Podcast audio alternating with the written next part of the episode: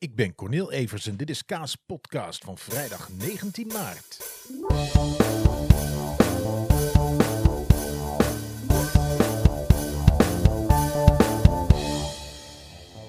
En het is vrijdag. Yes, uh, dat betekent dat morgen het zaterdag is. En uh, zaterdag wordt een leuke dag. Uh, ten eerste omdat ik ochtends vroeg met mijn zoontje op pad mag, omdat zijn zwemles eindelijk weer begint. Uh, hij zou eigenlijk, hij had een soort snelcursus van in zoveel maanden haal je je zwemles, je zwemdiploma A. En uh, dat zou hij eigenlijk in januari hebben gehaald. Dat wordt inmiddels, als hij het weer op hetzelfde niveau oppikt natuurlijk, uh, gaat dat mei worden. Nou, ook helemaal prima. Dan heeft hij in de zomer ook lekker zijn zwemdiploma. En daar gaat het natuurlijk allemaal om. Nee, eigenlijk gaat het erom dat hij in onze buurt is ook veel water. Dat als hij buiten speelt, dat hij in het water kan pleuren en er gewoon zelf weer uit kan komen. Dat is waarom kinderen op zwemles moeten. Uh, dat is waarom kinderen eigenlijk zwemles zouden moeten krijgen via school. Zoals vroeger. Ik heb gewoon op school mijn zwemdiploma's gehaald. En uh, ja, het is echt doodzonde en, en levensgevaarlijk dat dat uh, niet meer zo is. Maar goed, wij hebben de luxe dat wij kunnen betalen dat mijn kinderen op zwemles gaan. En het is echt een dure hobby, jongens. Het is echt een dure hobby. Maar nou goed, wij kunnen het betalen, gelukkig, godzijdank. En ehm, Hij heeft er weer zin in. Hij mag eindelijk weer. Hij heeft een paar maanden niet uh, mogen zwemmen op zaterdagochtend. Dus dat uh, gaan we eerst doen. Uh, de, wel de gekke situatie dat je kind afgeeft bij de deur en daarna op moet wachten. En dat je niks meer van de zwemles meekrijgt. eerder mochten we altijd het laatste kwartiertje. Hij heeft twee uur les achter elkaar. het laatste kwartiertje even kijken en dan zie je heel leuk de vooruitgang per week. Zeker omdat ze twee uur zwemmen, dan, dan gaat het echt heel goed. Um, of dan gaat het echt heel snel. Goed, krijgen we niet meer mee. Maar goed, dat is niet het belangrijkste. Het belangrijkste is dat, het, dat hij lekker gaat zwemmen. En dat hij leert zwemmen. En uh, top. En dat hij de lol aan heeft natuurlijk.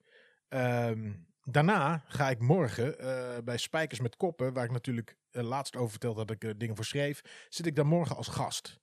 En uh, niet zozeer omdat ik iets bijzonders heb gedaan. Of omdat ik een voorstelling te promoten heb. Of een boek of wat dan ook. Nee, nee. Uh, men wil mijn mening over het een en ander. en ik sta bij de redactie natuurlijk in de telefoon. En ze wisten, Cornel is een vervent uh, voetballiefhebber, supporter. en hij heeft vast een mening over de Beneliga. En dat is een voorstel om um, de eredivisie af te schaffen, de hoogste divisie in België af te schaffen en dat samen te voegen. Dus acht teams uit beide landen. In en dat dat dan het hoogste niveau wordt in beide landen. Um, ik ga daar nu nog niet al te veel over zeggen. Kan ik morgen misschien wel doen naar aanleiding van het gesprek. Want ik wil dat gesprek graag gewoon uh, morgen voeren. En uh, ik zei wel heel meteen toen de redacteur uh, mij belde van... hey, wat vind je ervan? En toen zei ik, ja, kut. zei hij, mooi. Want we hebben al iemand die het, die het wel een goed idee vindt. Dus ja, ik heb er veel zin in. Ik heb er veel zin in dat, dat ik... Ja, weet je, gewoon een beetje opkomen voor je sport. Het is uh, voetbal bestaat, of nee, prof, profsport bestaat bij de gratie van uh, supporters en fans en toeschouwers. En uh, dat is ook waar vanuit ik dit benader. En, en niet vanuit geld of weet ik veel wat allemaal voor onzin. Voor onzin. Voetbal doe je voor de mensen op de tribune. En voor verder echt helemaal niemand anders. Zelfs niet voor de mensen thuis op de bank. Nee, nee. Nee, die zien een registratie van wat er gebeurt. En alles, al de sfeer die zij meekrijgen op een tiende van wat het in het echt is, of nog niet eens. Dat uh, komt allemaal door de supports in het stadion. Normaal gesproken, nu even niet, maar straks weer wel. En uh, daar ga ik dus, uh, vanuit die kant ga ik ook praten. Want ik kan ook niet anders, want dat is het enige wat ik ben. Supporter. Dus zin in. Morgen naar um, met Koppen. Dus als je morgen tussen 12 en 2. Ik zit volgens mij ergens in het begin.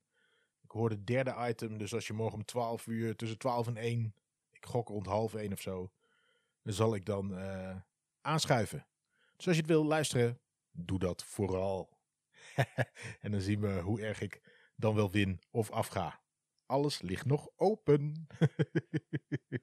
ah, wat, ik er zin in. Ja, een beetje boos maken. Beetje boos maken.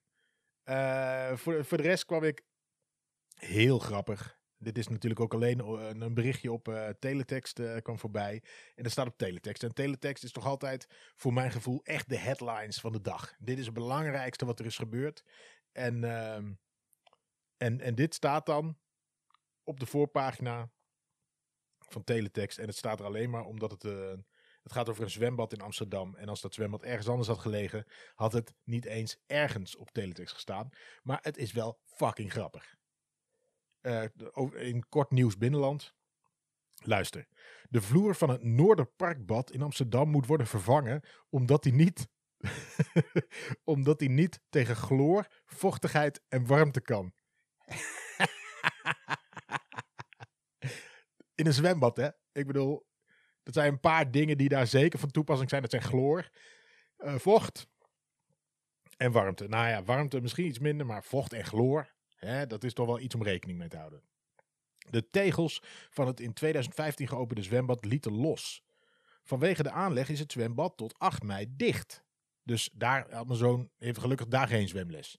Dus voor alle kinderen die daar zwemles zouden hebben, ah shit man, balen. Daar ben ik echt. Dat is kut, maar um, het bad werd na de opening geprezen. Hier, luister. Zo werd het tegelwerk als verrassend gekwalificeerd door de jury van Amsterdamse Architectuurprijs. Dus daar komt een architectuurprijs aan te pas. Dat is allemaal ingericht en zo moet het zijn. Moet je kijken wat een origineel zwembad en wat een verrassende tegels. Ja, en waarom denk je dat iets verrassend is? Dat is omdat je nog nooit eerder hebt gezien. En waarom denk je dat je dat soort tegels nog nooit eerder in een zwembad hebt gezien? Nou, nou, dat denken jullie. Wat denken jullie? Omdat dit tegels zijn die niet tegen vocht, warmte en chloor kunnen. ah, fucking Amsterdam. Jeetje.